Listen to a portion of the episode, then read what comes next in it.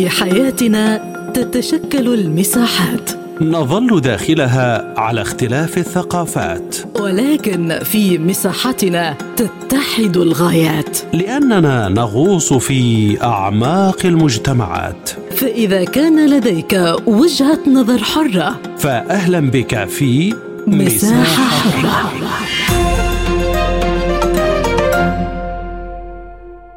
أهلا بكم في هذه الحلقة من مساحة حرة. معكم فيها عبد الله حميد.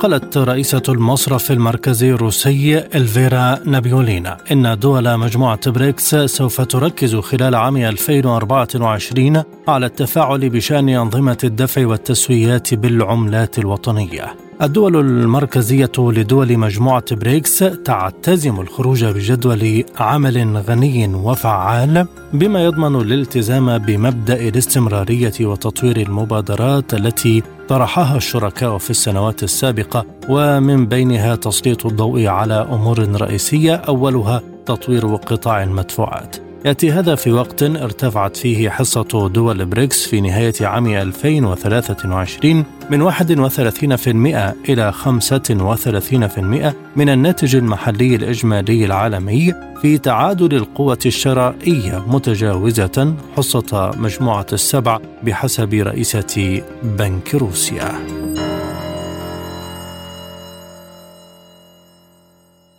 ينضم إلينا في هذا الموضوع من القاهرة أستاذ الاقتصاد الدكتور محمد أنيس. أهلا بك دكتور. أنظمة الدفع والتسويات بالعملات الوطنية لماذا ستكون أولوية لدول بريكس هذا العام؟ تحياتي لحضرتك ولكل مستمعينك الكرام. الحقيقة طبعا إن موضوع استخدام العملات المحلية المحلية في التسويات التجارية من أكثر المواضيع اللي بتحوز قبول ورغبة من الدول سواء القديمة في بريكس أو الدول المنضمه حديثا وعندهم رغبة شديدة في سرعة تنفيذ هذا الأمر. الميزان التجاري بتاع العديد من الدول الأعضاء أو بالذات المنضمه حديثا إلى بريكس في الكثير من الخلل وبعض هذه الدول ومن ضمنها مصر عندها دائما نهم واحتياج للعملات الدولية نظرا لأن التسويات التجارية لا تتم بالعملات المحلية وتتم بالعملات الدولية الخمس اللي على راسها الدولار الأمريكي. وبالتالي موضوع تسويه العملات المعاملات التجارية بالعملات المحلية هي من أكثر من أكثر المساحات اللي فيها توافق ما بين دول بريكس. وهذا الأمر هيؤدي إلى زيادة أمرين. واحد زيادة تبادل أو انتقال الأموال ما بين دول أعضاء بريكس بحيث إن يكون في شراكة بينية واستثمارات بينية ما بين هذه الدول بنسبة أكبر. ثانيا هيزيد من فرص التبادل التجاري ما بين هذه الدول وزيادة المعاملات التجارية والتبادل التجاري ورفع من نسبة الميزان التجاري ما بين هذه الدول كتمثيل نسبي بالمقارنة بالدول الأخرى خارج بريكس. ما العوامل التي تعتمد عليها دول المجموعة للمضي في التعامل بالعملات المحلية؟ الحقيقة لو بصينا على فنيات تنفيذ هذا القرار، القرار تنفيذه مش سهل.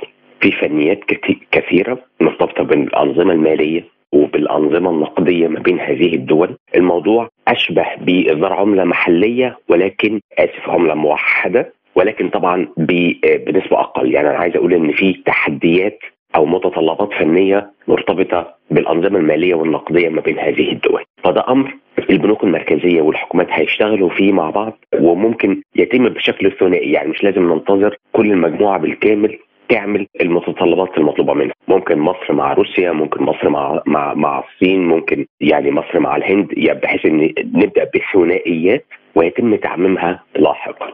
أيضا أمر آخر وهو مرتبط بنوعية البضائع اللي بيتم تبادلها ما بين هذه الدول. لأن في في بضائع مركزية وفي نوعية بضائع معينة مركزية في هذا التبادل. زي مثلا ما بين مصر وروسيا موضوع القمح. موضوع القمح يمكن البدء به مش لازم نبدأ بكل الميزان التجاري ما بين مصر وروسيا في كل المعاملات لكن ممكن نبدأ بموضوع القمح مثلا بحيث إن هو سلعة مركزية في الميزان التجاري وفي نفس الوقت يعني فيها تعامل شبه مركزي. يعني لا إما الحكومة بنفسها لا اما الشركات شبه حكومية اللي بتستورد أو هي اللي بتصدر وبالتالي المسألة محكومة آه، شوية ده أمر آه، ممكن نبدأ بيه وهيبقى إشارة جيدة لباقي السوق يعني باقي الشركات وباقي الدول إن في خطوات بيتم تنفيذها وتفعيلها في موضوع التبادل التجاري بالعملات المحلية اللي هو أمر مفيد جدا وفي توافق عليه ما بين دو كل دول مجموعة البريكس. إذا اعتمدت الدول هذه المسألة كيف يساهم في قيمة العملات المحلية؟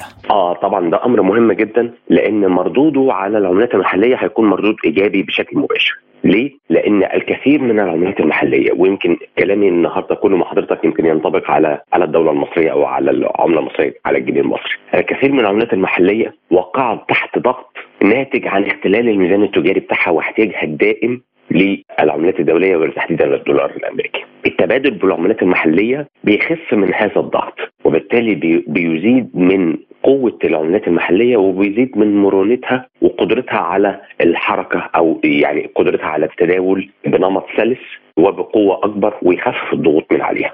ده أمر مهم جدا لكل دول بريكس والحقيقة ان هو أمر مهم جدا للعديد العش... مش عايز أقول العشرات بس هو كذلك بالفعل للعشرات من الدول النامية خارج مجموعة بريكس. مهم جدا بالنسبة لها إن يتم تخفيف عبء الاحتياج الدائم للعملات الدولية وانضباط أكبر في الميزان التجاري لهذه الدول مع باقي دول العالم. ده يتم أحد الحلول السحرية السريعة الناجزة فيه هو التبادل التجاري بالعملات المحلية لأن ده بيؤدي بشكل مباشر إلى تقليل الاحتياج للعملات الدولية وتقوية طبعا العملات المحلية. دكتور ما العوائق أمام دول بريكس والتي ربما تعرقل أي أفكار تطرح في هذا الاتجاه؟ الحقيقة اولا كده آه، في العوائق الفنية اللي أنا ذكرتها لحضرتك.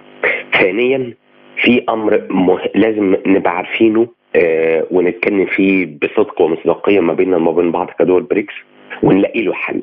الأمر ده كالاتي إنه لما يبقى مثلا في آه، ميزان تجاري ما بين أو في تبادل تجاري ما بين مصر وروسيا كمثال وفي عجز في هذا الميزان التجاري بقيمة 4 مليار دولار لصالح روسيا. ده معناه إن لو تم التداول بالعملات المحلية يبقى روسيا هتحصل على ما قيمة ال 4 مليار دولار دول بالجنيه المصري.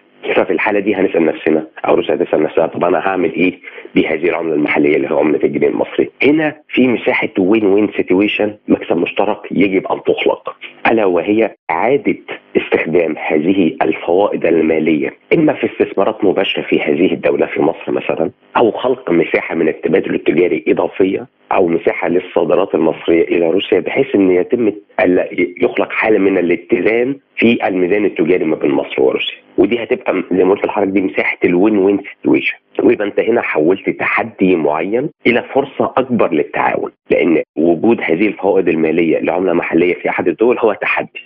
لكن لما تحوله إلى استثمارات مباشرة وتعاون مشترك وتبادل تجاري بنسبة أكبر وعمق أكبر يبقى أنت حولت هذا التحدي إلى فرص تعاون أكبر وإلى آه، يعني علاقة أعمق وأقوى.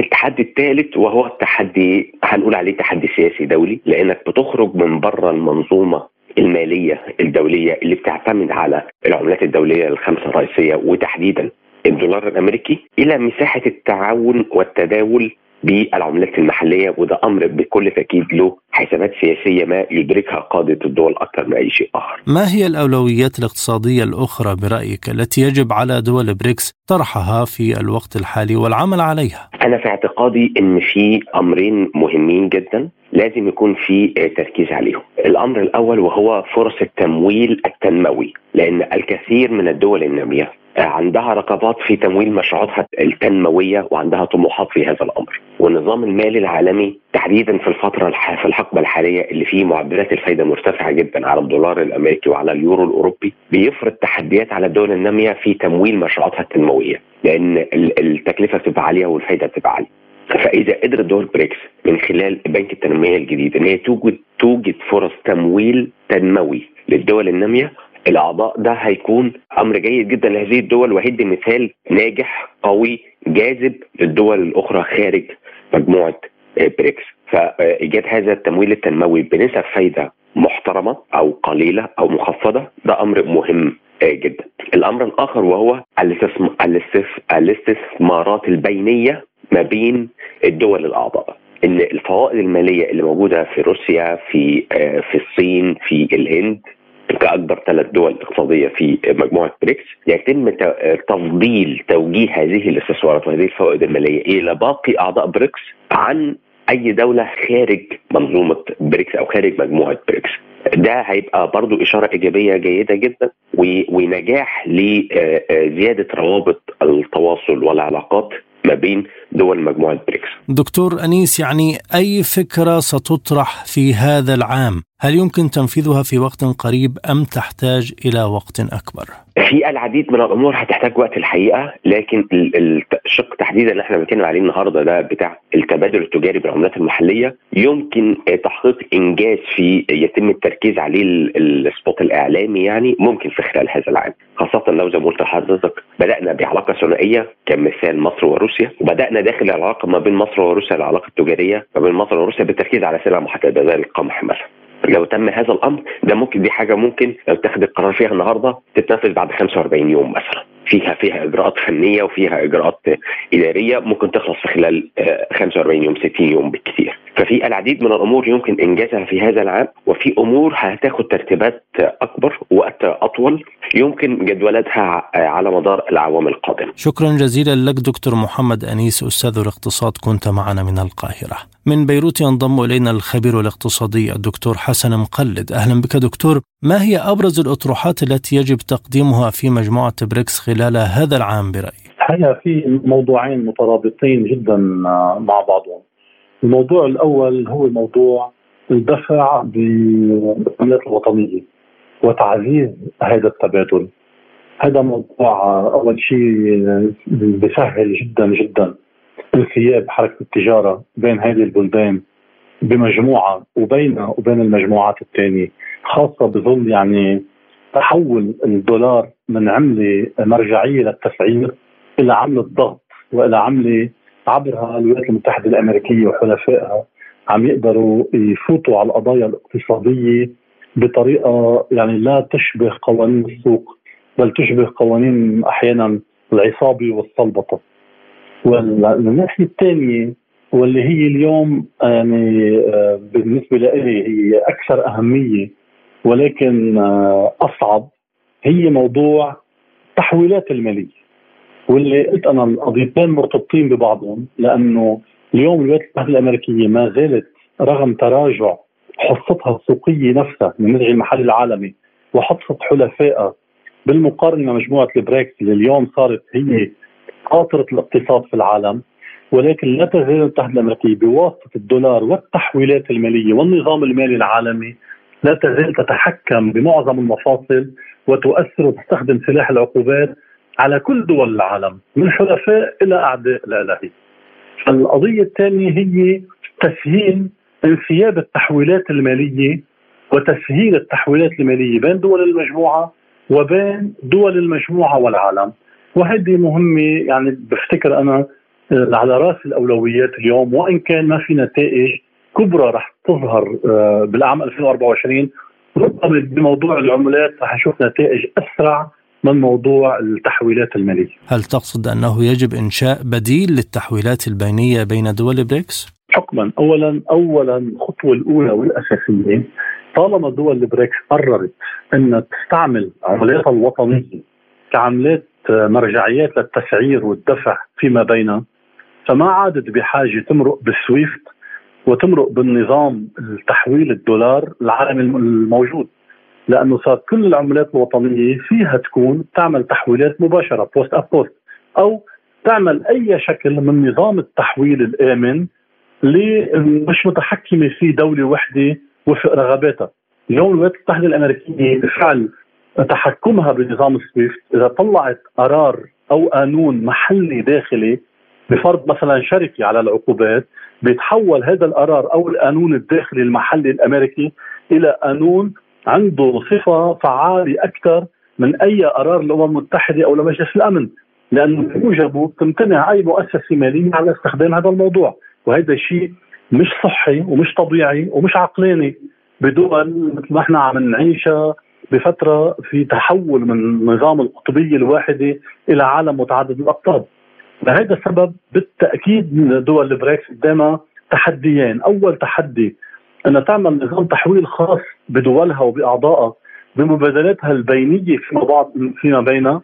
والنقطة الثانية والأساسية أنها تقدر تعمل نظام تحويل قائم بينها كمجموعة أو كأفراد يعني منفصلين مع باقي دول العالم. وأنت بتعرف أنه اليوم يعني ربما ثلث العالم موضوع على طريقة من العقوبات يحتاج إلى هذا النظام ويحتاج إذا في قرار بالعقوبات يكون على قرارات عقوبات أممية وليس قرار عقوبات بتحددها دولة وحدة وفق اهواها ومصالحها السياسية. كيف يمكن لدول المجموعة الاستمرار في توفير السبل التي تؤدي إلى تنفيذ كل المشاريع والأفكار المطروحة؟ اليوم مثل ما حضرتك تفضلت يعني الدول البريكس اليوم باتت قاطرة الاقتصاد بالعالم. 35% تقريبا من حجم الناتج المحلي العالمي.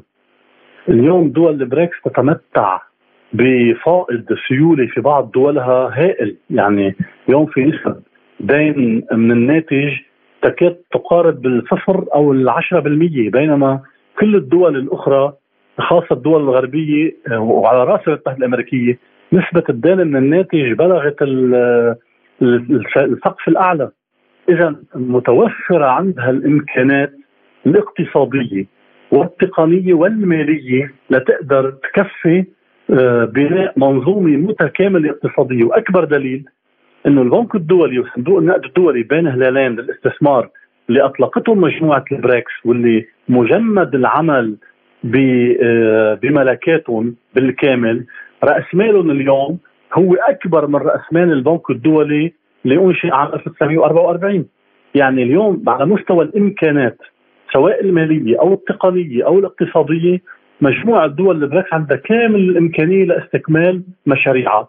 أنا بعتقد إنه في مراعاة شديدة للظروف السياسية بالعالم والظروف الأمنية بالعالم ولعدم اصطدام الحد مع إمبراطوريات اليوم عم تتراجع وعم تهوي. وما فينا نحن نحكي بس اقتصاد من دون ما نشوف إن اليوم في بؤرتين متفجرتين بالعالم جدا. بؤرة أوكرانيا لجار أمريكا وأوروبا واليابان إلى هذا المستنقع مقابل روسيا. وما فينا ما نشوف كمان اليوم إنه الشرق الأوسط هو اليوم كمان بؤرة شديدة التوتر شديدة النيران. اليوم عم بتأثر على التجارة العالمية وعم نشوف المجازر والإبادة اللي عم بتصير بغزة. هون نقطتين. ما بيقدر الواحد لما ياخذهم بالميزان الاقتصادي وبعتقد دول البريكس لأنه هي الدول الصاعدة صاحبة المصلحة بإدامة الاستقرار عم بتراعي هذه المسائل أكثر من المسائل التقنية أو المالية أو الإدارات هل بمقدور دول بريكس تطبيق مسألة الدفع بالعملات الوطنية خلال هذا العام؟ أه بعتقد أنه إلى حد بعيد في دول فيها تستطيع ذلك يعني يعني نحن اليوم عم نشوف على سبيل المثال إنه التفاهمات الصينية الروسية صارت اليوم باليوان وبالروبل يعني مستويات كبيرة جدا. ما عادت لا ربما إذا مش باليوان وبالروبل ممكن بالذهب ممكن بتبادلات معينة. اليوم عم نشوف التبادلات بين روسيا وإيران عم تتوسع بهذا المجال بين الصين وإيران بين روسيا والهند. يعني آه برجع بقول أي مراقب بيعتقد إنه بعده الطموح متدني عن امكانات تطبيقه أكثر ولكن بعتقد بلا بعتقد إنه اليوم هيدا المسار عم بيحقق قفزات كبيرة خاصة إذا عملنا مقارنات بين عام 2023 وما قبله. رح نلاحظ إنه إنه هذه قفزة مش مش تطور بسيط يعني. وخاصة هناك العديد من الاتفاقات اللي جرى توقيعها واللي جرى الإصرار عليها لأول مرة إنها تكون بالعمليات الوطنية لحدود ال 40 وال 50% منها وهذا هذا تطور كبير جدا دكتور حسن يعني حصة دول بريكس ارتفعت في نهاية عام 2023 من 31% إلى 35% من الناتج المحلي الإجمالي العالمي هل يعطي ذلك زخما وقوة أكبر للمجموعة؟ الحقيقة المجموعة بس كانت أضيق أصغر كان الانسجام السياسي فيها أكبر وإن كانت ولا حدا من مكوناتها إلا ما أصر إنه الجامع المشترك هو اقتصادي. اليوم المجموعة توسعت إلى لتوصل لأطراف بالسياسة آه تاريخيا هن حلفاء الأخصام الاقتصاديين للمجموعة. وهذا الشيء حكما بده يؤثر على بعض القرارات اللي فيها. ولكن إذا أخذنا اليوم المجموعة كمكون اقتصادي على سبيل المثال طاقة مثلا اليوم أقطاب الطاقة يعني عمالقة الطاقة موجودين اليوم بالمجموعة وهن مؤثرين أكثر من أي طرف آخر سواء بقلب المنظمات الدولية مثل أوبك وأبك وأي وحدة ثانية أو كتأثير مباشر.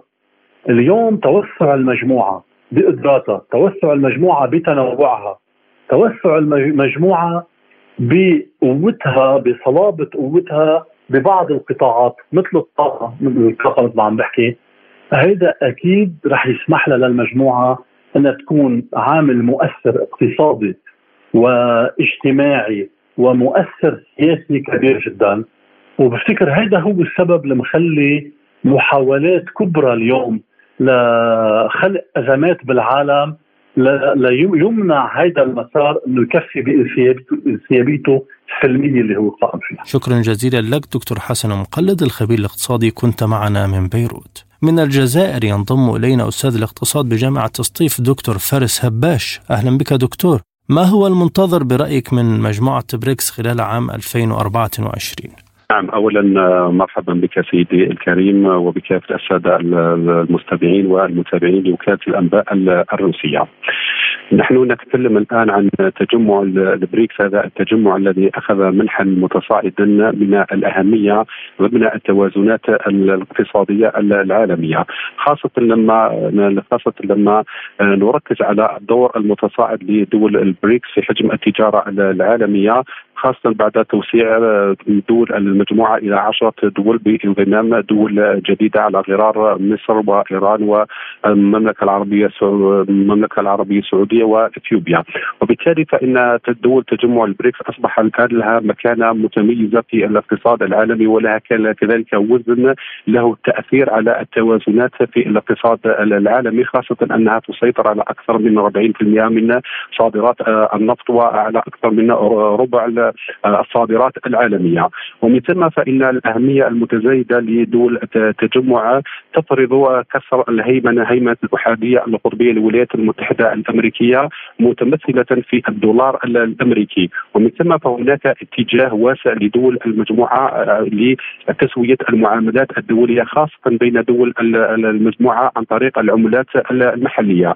وبالفعل فإن هذا المسعى أخذ تجسيدا واقعيا على أرض الواقع خاصة بين روسيا والصين باتفاق زعيم زعيمي البلدين على أن تكون معظم التسويات الدولية بين البلدين في التجارة الخارجية عن طريق العملات المحلية أي عن طريق الروبل واليوان. وكان اتفاق سابق من قبل بين البلدين على أن تكون تسويه تسوية للمعاملات بين البلدين بما قيمته 25 مليار دولار إلا أن حجم تزايد التجارة بين البلدين تم أو تم الوصول إلى قيمة أكبر من هذه القيمة حيث حسب ما أعلن الزعيم الروسي قبل عشرة أشهر فلاديمير بوتين أن تسوية المعاملات بين بين روسيا والصين وصلت بالعملات المحلية أي بالروبل واليوان وصلت إلى حدود 80% خاصة أن حجم التجارة حجم التجارة بين البلدين وصل إلى حدود جد متزايدة حيث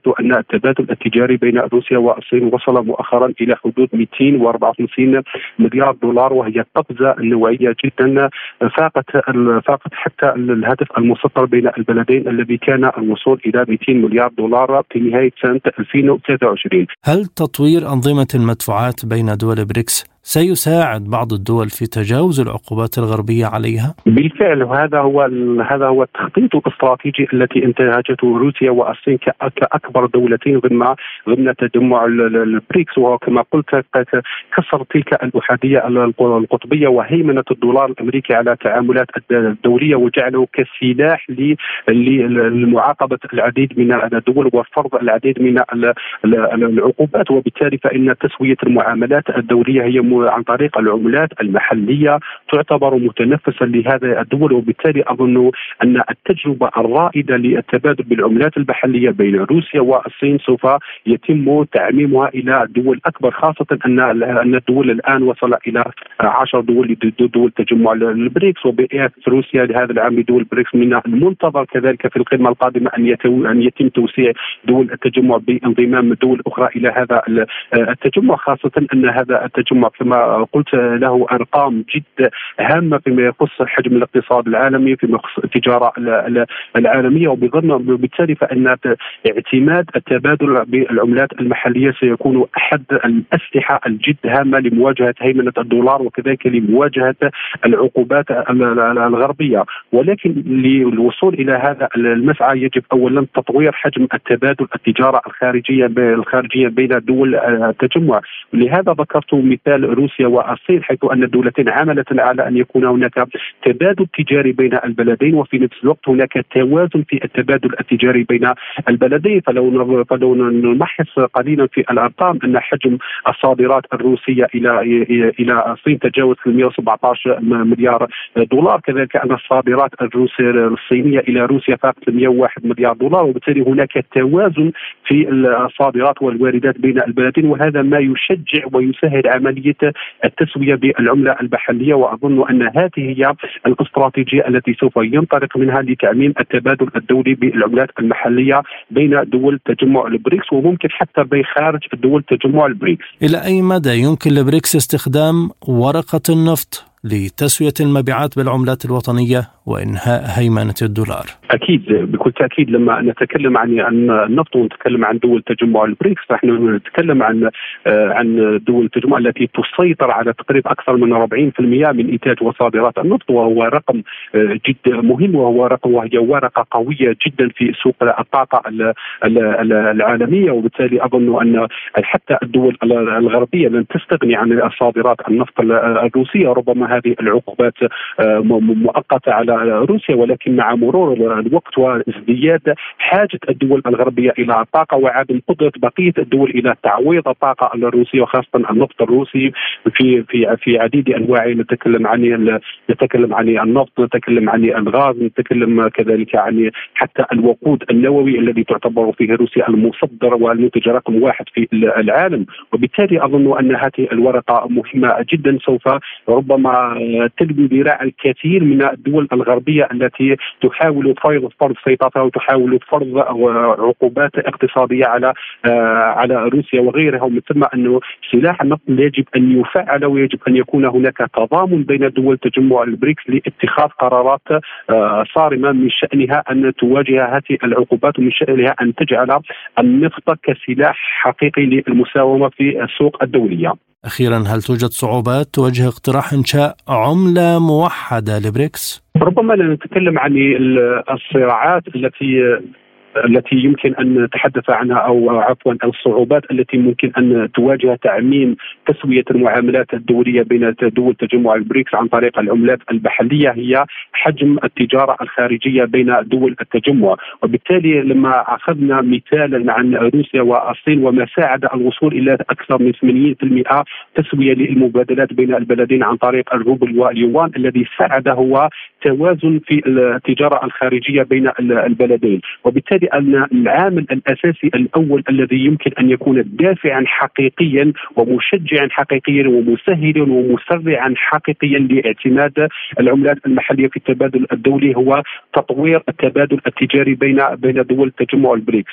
صراحة أن ليس كل دول تجمع البريكس لها نفس القدرات الاقتصادية وبالتالي يجب أن يكون هناك تعاون على مستوى دول التجمع لتطوير البنى التحتية الاقتصادية لدول التجمع لتطوير إمكانيات التجارة التجارة البينية بين دول التجمع البريكس وبالتالي التوازن في التبادل التجاري بين الدول هو العامل الأساسي الذي الذي من الممكن أن يسهل ويسرع في اعتماد العملات المحلية كعملة في كعملة معتمدة في التبادل التجاري بين دول الدول تجمع البريكس وخارج دول تجمع البريكس سوف يكون نقطة مفصلية وتحولا استراتيجيا في التعاملات الدولية الاقتصادية. شكرا جزيلا لك دكتور فارس هباش أستاذ الاقتصاد بجامعة سطيف. كنت معنا من الجزائر. كما نشكركم مستمعينا الكرام على طيب المتابعة. إلى اللقاء.